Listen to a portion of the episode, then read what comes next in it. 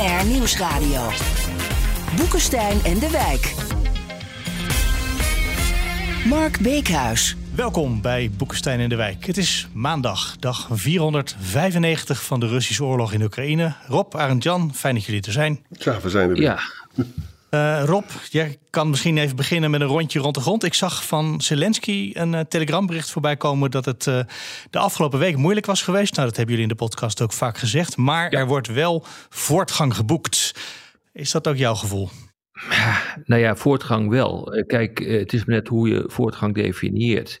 Uh, het gaat echt om vierkante kilometers. En um, over, verdeeld op dit ogenblik over uh, vier stukken grondgebied uh, waarover wordt uh, gevochten. En iedere keer zie je wel dat er men 100 meter tot 2 kilometer verder wegkomt. maar ja, weet je, het is bijna op de kaart niet te zien. En realiseer dat als ze 100, 150 vierkante kilometer veroveren, en daarover wordt bijvoorbeeld nu gesproken, ja, het gebied dat bezet is, is tienduizenden vierkante kilometers. Dus ja, eh, eh, er gebeurt een hoop, eh, maar het is inderdaad precies zoals Zelensky zegt moeilijk. Er wordt inmiddels over vier assen wordt er gevochten. Bakmoed, daar weet iedereen zo langzamerhand wel waar dat ligt. En dan ga je verder eigenlijk naar het, naar het zuiden en het, en het westen toe. over de lijn Vika Donetsk wordt gevochten.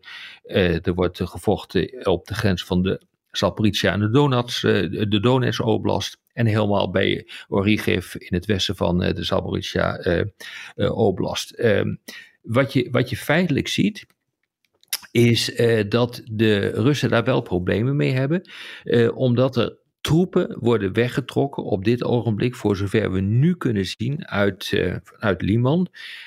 dat ligt ergens ehm, in het oosten.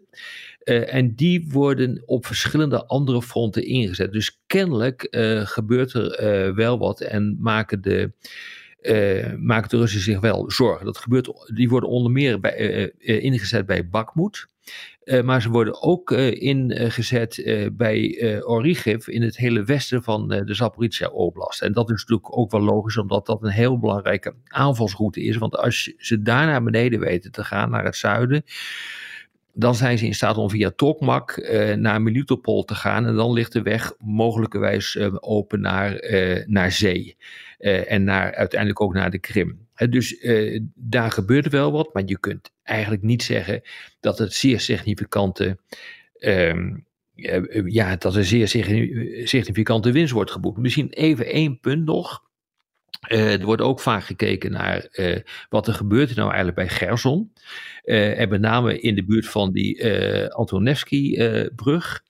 Daar zie je dus dat de Oekraïners gewoon verjaagd zijn aan de, van de oostzijde van de Dnipro. En dat is denk ik wel belangrijk.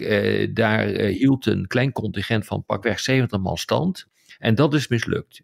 dus die zijn ook in de rug aangevallen door special forces van de Russen die zijn er erg succesvol in, uh, geweest. En die hebben ervoor gezorgd ja, dat uh, er eigenlijk gewoon geen versterkingen op dit ogenblik meer zijn uh, van de Oekraïners in het bezette gebied, dus aan de oostelijke oever van de Dnieper. En als je dat op de kaart ook kijkt, is dat ook een klein stipje, zoals de ja, Oekraïners kleine stipjes winnen? Het zijn stipjes, ja. Kijk goed op de kaart en dan zie je dat het allemaal kleine stipjes zijn. En dan moeten we nog even de Russische droneaanval vandaag op Sumy, dat is in het noorden van Oekraïne. Twee doden en 19 gewonden. Dat mhm. gaat allemaal maar gewoon door, hè? Ja. Het gaat allemaal maar gewoon door. Nou ja, goed, dat, dat zegt dus Milley, de, de, voorzitter van de Verenigde Chefs van Staten van de Verenigde Staten, dus Amerikaans hoogste militair, die zegt dat ook.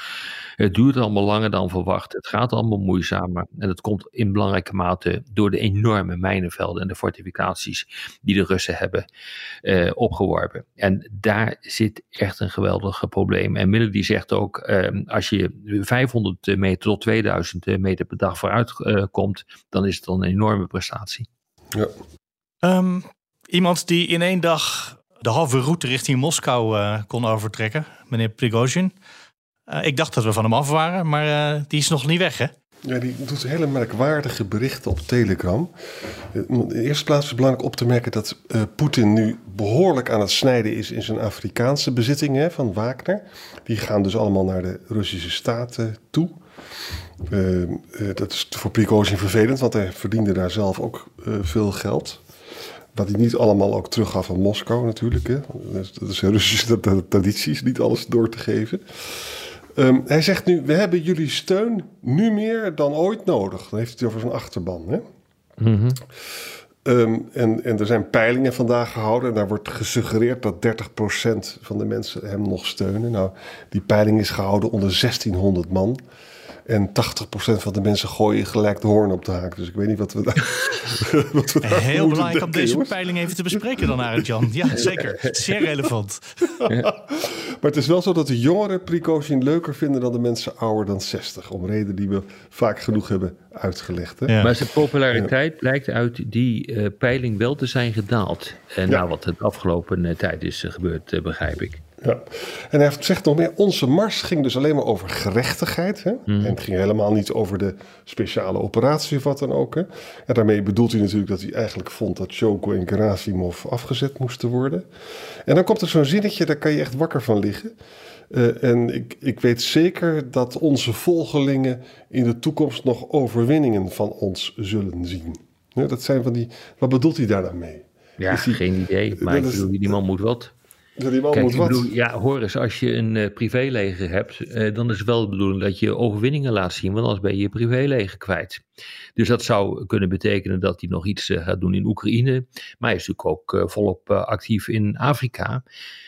hoewel um, ik eerst moet bekijken wat er nou eigenlijk gaat gebeuren met al zijn bezittingen, inclusief dat leger. Want dat, ja. wordt, dat wordt toch als, als ik het goed zie, eh, toch in redelijk hoog tempo geïntegreerd in ja. uh, de Russische krijgsmacht. Dus dat blijft niet zelfstandig te bestaan op deze manier. Of misschien splitst hij wel onderdelen ervan af. Ik heb geen idee wat hij aan het, uh, aan het doen is, wat dat betreft. Maar kijk, dit is natuurlijk niet de man die zegt van, oké, nou ik heb dit even niet goed gedaan. Uh, ik heb een, een, een, mars voor de gerechtigheid, of hoe hij het noemt, uh, verloren.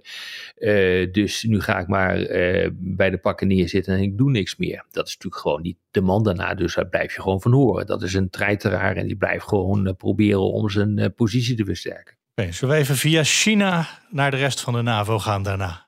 Ja, want het heeft ook alles met de Prigozhin uh, te maken. Hè? Ja, China, die, dat is een heel artikel in de New York Times. Van, kijk, Xi houdt natuurlijk helemaal niet van uh, Poetins uh, appetijt voor allemaal risico's. Hè? En, al, en Xi gruwt van muiterijen en opstanden. Dat is natuurlijk allemaal wel gebeurd.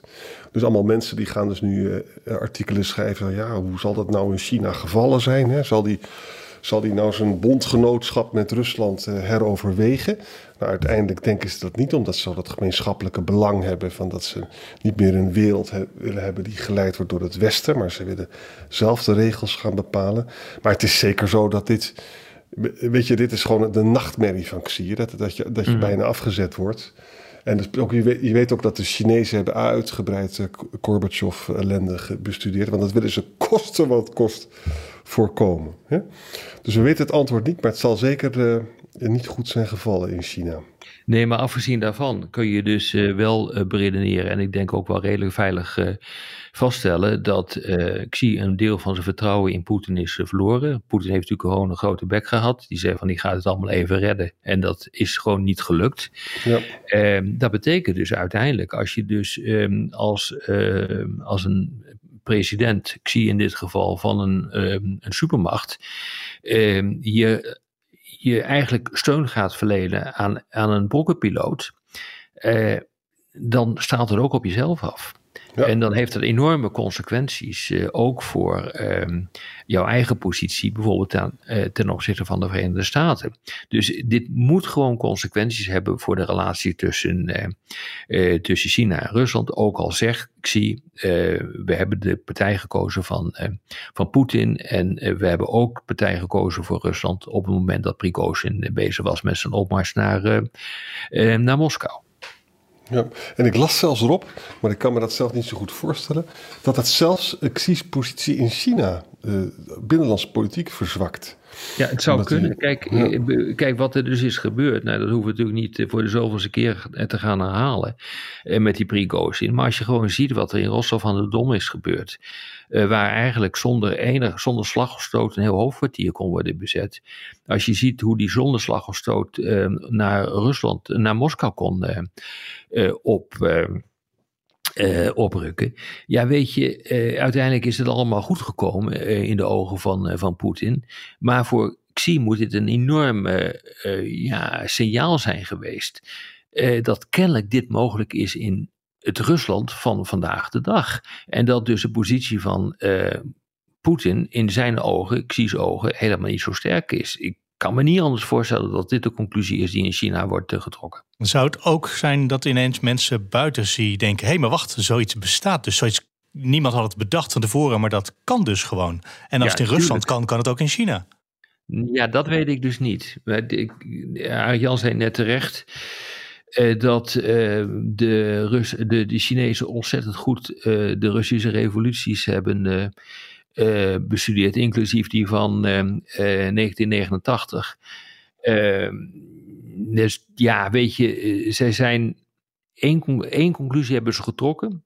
Zo moet het dus niet. En nu zien ze dus weer dat dit gaat gebeuren. Dus ja, weet je, dit is een bevestiging van het onvermogen van Rusland om de zaak gewoon intern stabiel te houden.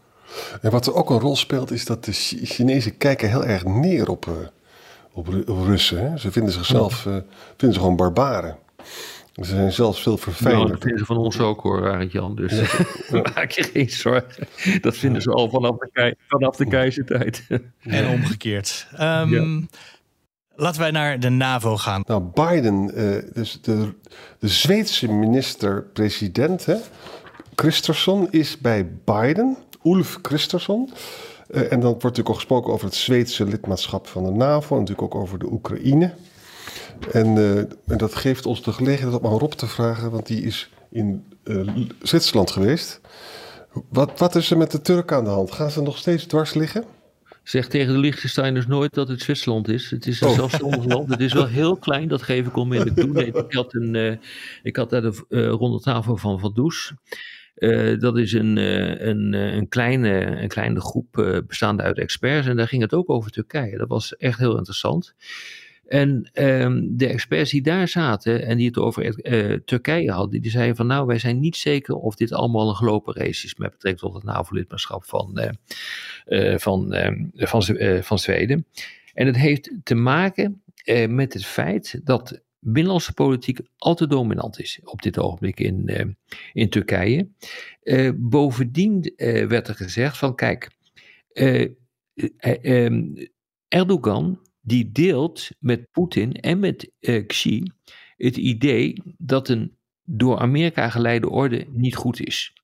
Dat is één punt. En het tweede punt is dat hij het idee deelt met Xi en Poetin dat het Westen aan het verzwakken is. Dus Xi, uh, Xi en Poetin, dat zijn beide mensen waar hij naar kijkt om alternatieven te vinden voor die westerse uh, samenwerking. Dus dat, dat maakt het buitengewoon lastig voor hem uh, om nu zonder meer te zeggen van oké, we gaan die NAVO versterken, we gaan die Europese veiligheidsorde een handje helpen. Er zijn een aantal belangrijke overwegingen om dat niet te doen. En daarbij is het natuurlijk buitengewoon handig uh, als een of andere zweet een Koran aan het uh, verbranden is.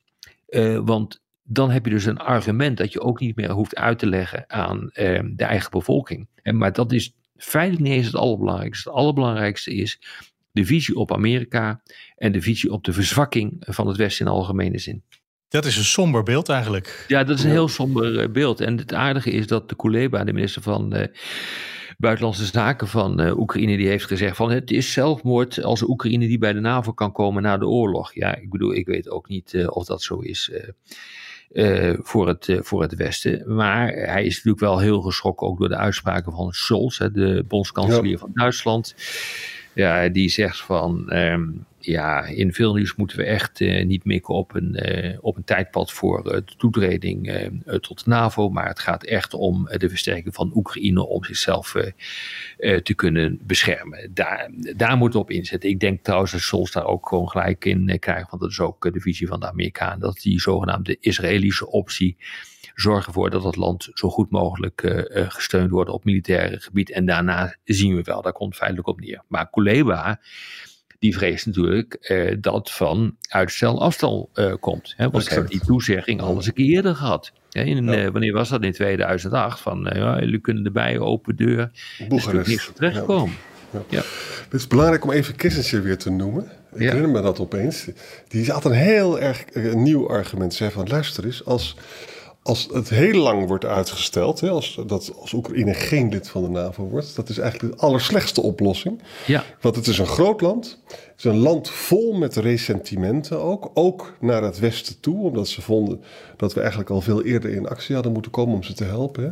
En als dat dus een soort uh, uh, ja, los gaat zweven tussen Rusland en de NAVO dat is slechter. Dan, moet je, dan zou je het echt in dat NAVO-kader moeten doen. Even dus afgezien van het probleem van de artikel 5 en de oorlog. Hè? Ja. En, en dat is wel, daar zullen we nog vaker over praten. Oh, over zeker, zeker. Dan krijgen we ja. ook een discussie, Arend Jan, over uh, de vraag... wat voor type land halen we nou eigenlijk de NAVO of uiteindelijk de Europese Unie binnen? Ja. Het is een land dat zal zeggen... wij hebben voor jullie de oorlog uh, uh, gevoerd... Uh, het zal uh, zeggen van wij hebben hier recht op. Uh, wij zijn een onderdeel van de veiligheidsorde in Europa. En wij hebben daar bloed voor laten vloeien. Nee, je krijgt allemaal dat soort discussies hoor. Dat ga je ja. gewoon krijgen. Absoluut. Ja. Okay. Laten we nog even naar de graandeal gaan. Die, ja. dat ettert ook altijd voor. Elke keer als die afloopt, dan worden er weer onredelijke eisen gesteld vanuit Rusland. is denk ik de korte samenvatting. Ja, de Russen zijn zo slim om die graandeal altijd maar tijdelijk te doen, hè, met een einddatum.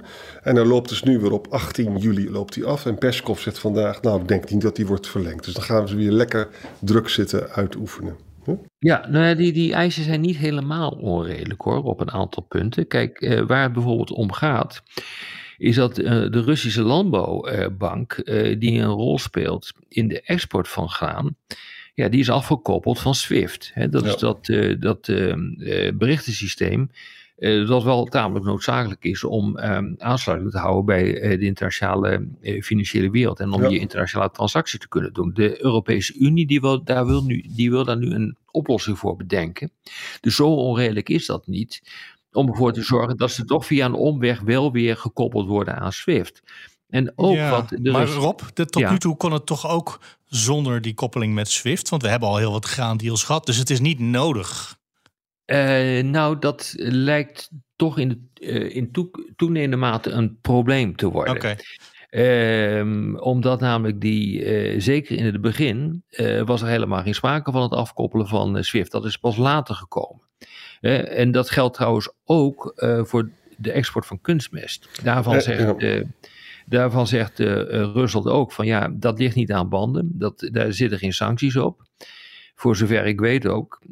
en dat zou dus betekenen dat we op dat punt gewoon ook de vrijheid moeten hebben. En bovendien staat dat ook dat ze die vrijheid moeten hebben om dat te exporteren in een memorandum met de VN. Uh, dus de, daar zit echt een geweldig uh, uh, probleem in. En ook het Russische graan zelf, hè? kunstmest, ja. Russisch graan en ja. die SWIFT-deal. Ja. ja. dat heeft onder andere allemaal te maken met het feit dat bijvoorbeeld westerse verladers, scheepvaartondernemingen, wat dan ook, die willen hun handen hier niet aan branden. die, het mag wel, maar ze willen het niet. Daar zit een belangrijk probleem in. Ja. Nou. En dit heeft uh, nog 18 dagen te gaan. Nee, dat is niet waar. Dit heeft nog 15 dagen te gaan voordat ja, het verloopt. Dus daar gaan we nog twee weken lang heel vaak over praten in deze podcast. Dat mag je wel zeggen, ja. Oké. Okay. Morgen eerst maar eens even wat anders. Voor de afwisseling. Yes. Tot morgen. Tot morgen. Dank voor vandaag. Tot morgen.